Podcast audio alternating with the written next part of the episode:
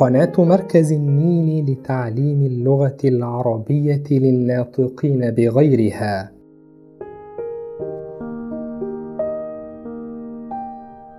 تقدم سلسلة كالأغلان البستان المبارك. على حافة طرقات متربة في أحد البلدان البعيدة. يقع جبلان بينهما بستانان. تنمو في بستان منهما نباتات كثيرة متنوعة. كانت مياهه صافية براقة وتربته خصبة. تنساب البركة الغزيرة من كل شبر فيه ولهذا كان يطلق عليه البستان المبارك. كان المارة على هذا البستان يتطلعون إليه بإعجاب ويدهشون لجمال الأشجار والفاكهة ولا يجد زواره نقصا به أبدا. ولا يوجد في المنطقة من لا يعرف شهرته. أما البستان الآخر فلم يكن يطرح لا فاكهة ناضجة ولا خضرة حتى إن الكائنات الحية كانت تنصرف عنه ولا تبني فيه بيوتها. كان هذان البستانان ملكا لشقيقين وكانا يقتسمان بالعدل محاصيل البستان الخصب وكانا يعملان معا لإصلاح البستان المجدب. كان لكل من الشقيقين ولد. أحدهما فتى رشيق وهو بطلنا كال أغلان. قرة عين والدته.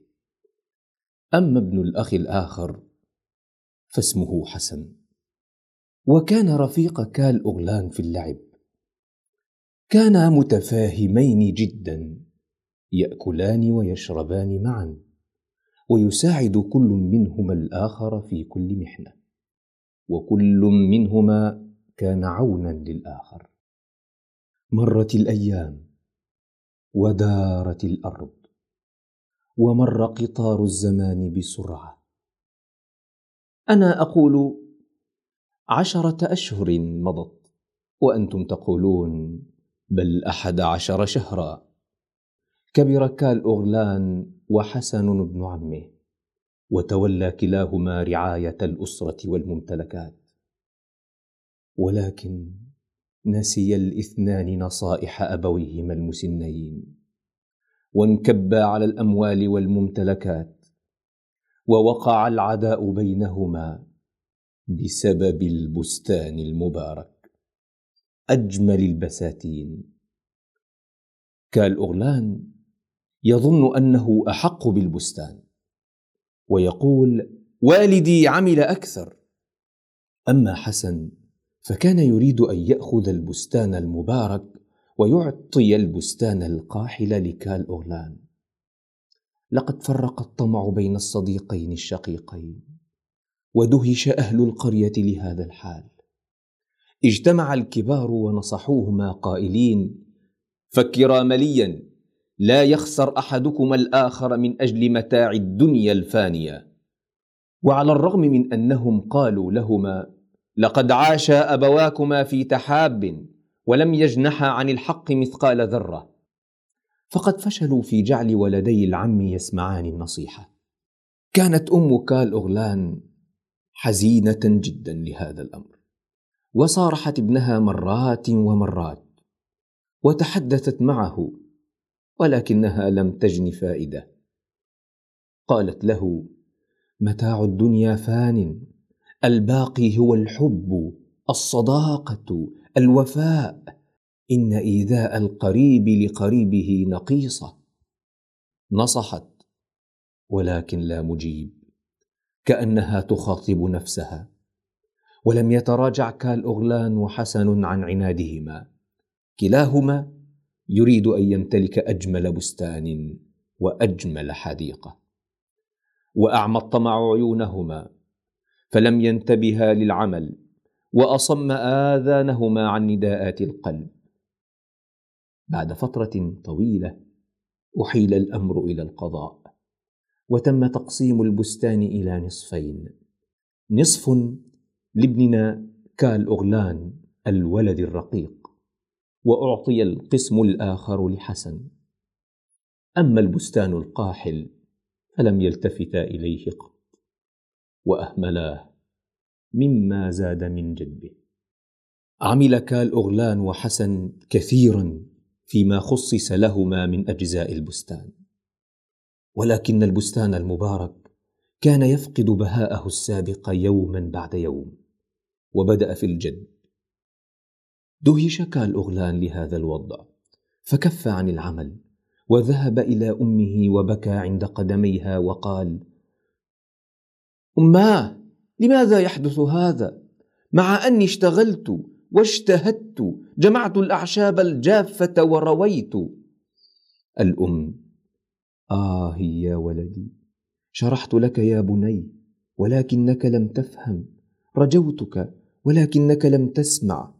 كان بهاء البستان ينبع من الأخوة التي بين أبيك وعمك ومن حب كليهما للآخر. فلم يجرح أحد منهما الآخر ولو مرة واحدة في البستان المبارك. كان يعلمان أن النزاع نقيصة تقلل المحبة. أدرك كال أغلان خطأه وخجل جدا وقال آه يا أمي ماذا فعلت؟ اتبعت ما يدور في رأسي فلم أفكر وغلبني طمعي وجرحت مشاعر صديقي وأخي. الأم إن تراجعك عن الخطأ مكسب ومهما شكرت على هدايتك فهو قليل. أما حسن فقد أصابه مرض شديد في تلك الأيام ولم يكن بمقدوره مغادرة الفراش.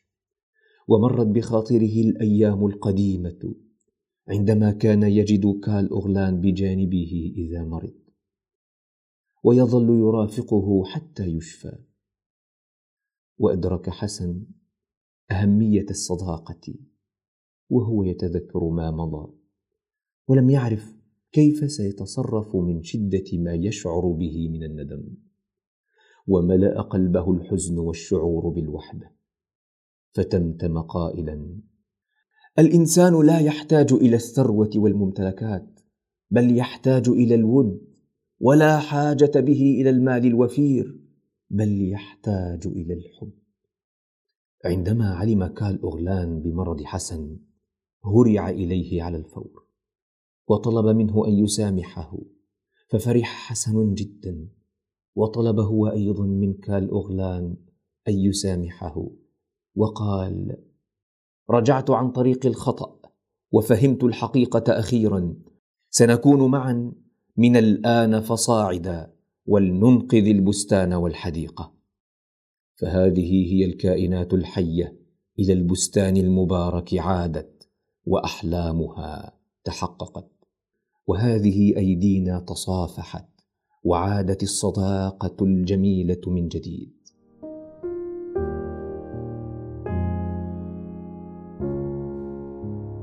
للمزيد زوروا موقعنا www.nilecenter.org